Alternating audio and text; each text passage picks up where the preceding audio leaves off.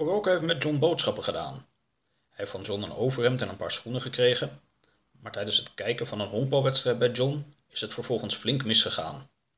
Er ontstond een dreigende situatie. Oroka is buiten in het donker weggerend. Hoofdstuk 3 Welkom in Clarkston. Oroka werd wakker in een klein hol dat hij in het donker had gegraven naast een dennenboom. Het was een zonnige morgen. Terwijl hij de aarde van zich afschudde en hij zijn overhemd en schoenen aantrok, verscheen naast hem een lijster die hem onderzoekend aankeek. Oroka stak zijn hand uit, zoals hij van de mensen had geleerd, maar dit wezentje, dat duidelijk geen mens was, bleek daar niet van gediend te zijn en vloog vlug weg. In de bomen klonken geluiden van verschillende soorten vogels. Oroka merkte dat hij van hun talen maar weinig begreep. Hij vermoedde dat het hoogontwikkelde soorten waren. Het bos ging over in een glooiend landschap van velden met her en der een boerderij of een paar huizen. Zijn ervaringen van de vorige avond hadden Oroka bang gemaakt van mensen. Hij bleef uit de buurt van hun bouwsels en keek of hij ergens, in de lucht of op het land, zijn ruimteschip kon ontdekken. Maar ESMC-kwadraat was nergens te bekennen. Het lukte ook niet om gesprekken aan te knopen met andere wezens. Een stel eenden die hij tegenkwam bij een rivier keken hem vreemd aan toen hij hen vroeg of ze van honkbal hielden. Op de vraag waarom hij een staart had, verdween een eekhoorn luid piepend in een boom. Halverwege de dag stuitte Oroka op een smalle spoorlijn die hij besloot te volgen. De spoorlijn liep langs een heuvel en over twee kleine rivieren. Het landschap veranderde in kortgemaaide grasvelden waar wandelpaden op waren aangelegd. Her en der lagen grote vijvers. Oroka liep ongezien langs een speeltuin waar kinderen met schepjes en harkjes achter elkaar aanrenden en joelend van lage glijbanen afgleden.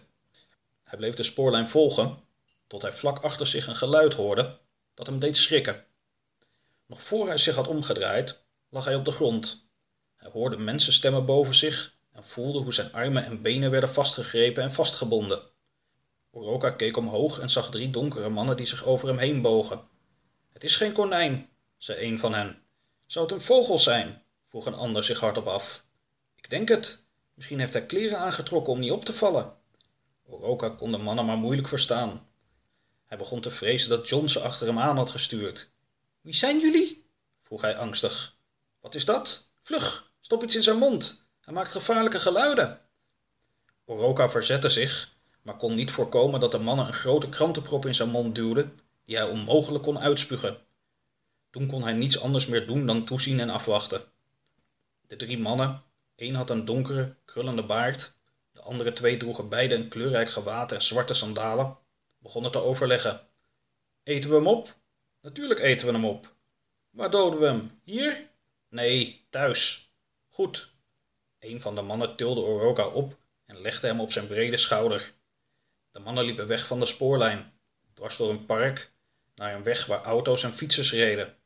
Daar liepen ze verder, door verschillende straten en weggetjes. Af en toe groetten de mannen een bekende. Ze lieten hun vangst zien aan een groepje kinderen dat met grote ogen naar Oroka keek. Een van de kinderen drukte brutaal op Oroka's neus, wat voor een hoop hilariteit zorgde.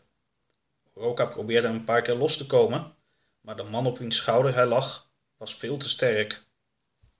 Bij een wit appartementencomplex met veel ramen en balkons gingen de mannen naar binnen. In een woning op de eerste verdieping werd Oroka in een kleine woonkamer op een bank gelegd. Wat doen we? Ik denk dat het het lekkerste is om soep van hem te maken. Zal ik hem zijn nek omdraaien?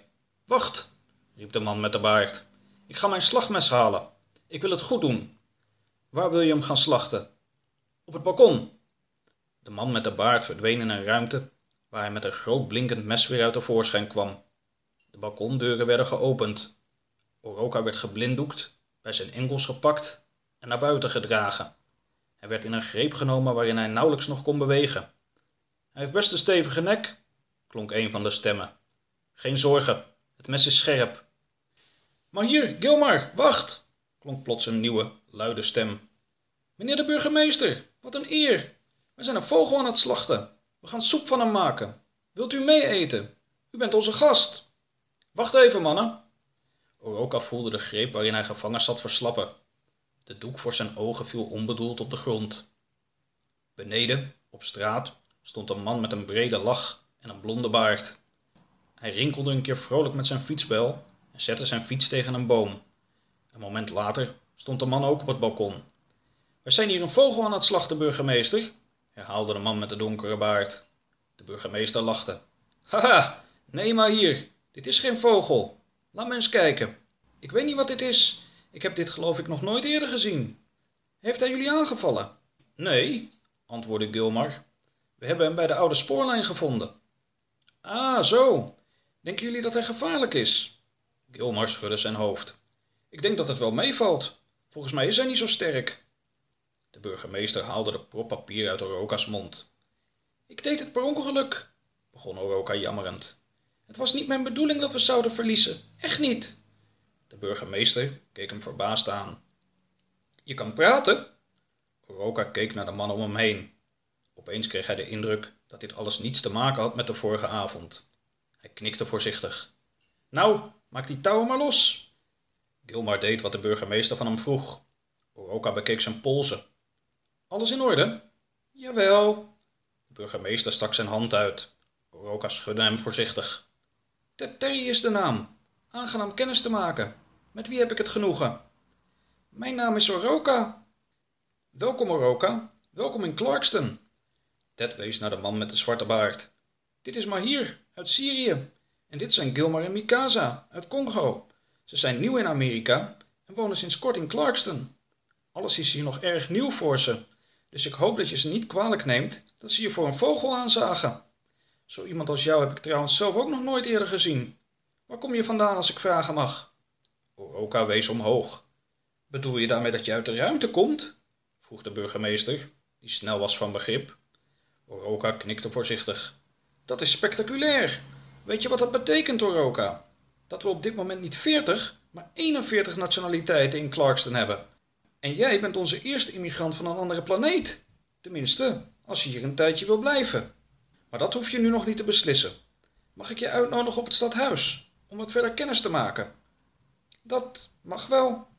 Maar hier Gilmar en Mikasa boden Oroka uitgebreid hun excuses aan, waarbij Mikasa Oroka nog een armband met allerlei kleuren kraaltjes om zijn pols deed. Buiten sprong Ted op zijn fiets. Ga maar achterop zitten. Kwam je hier toevallig op je fiets voorbij? Nee, niet toevallig. Amat, een jongetje dat een paar blokken verderop woont, zag die drie heren met je lopen. Hij had het gevoel dat er iets niet klopte en is mij komen waarschuwen. Het spijt me dat je op zo'n manier kennis hebt moeten maken met mijn mooie stadje Oroka. Ik hoop dat je begrijpt dat het om een misverstand ging. Ted's enthousiasme werkte aanstekelijk op de gemoedstoestand van onze kleine held. Jawel, zei hij, terwijl hij achter op de fiets ging zitten. We doen allemaal wel eens domme dingetjes. Zo is het maar net. Ted begon te fietsen en rinkelde nog eens vrolijk met zijn bel. Even verderop hing een groot spandoek boven de weg. Het motto van het stadje stond in grote letters opgedrukt. Oroka las de tekst hardop voor. Clarkston, where possibilities grow.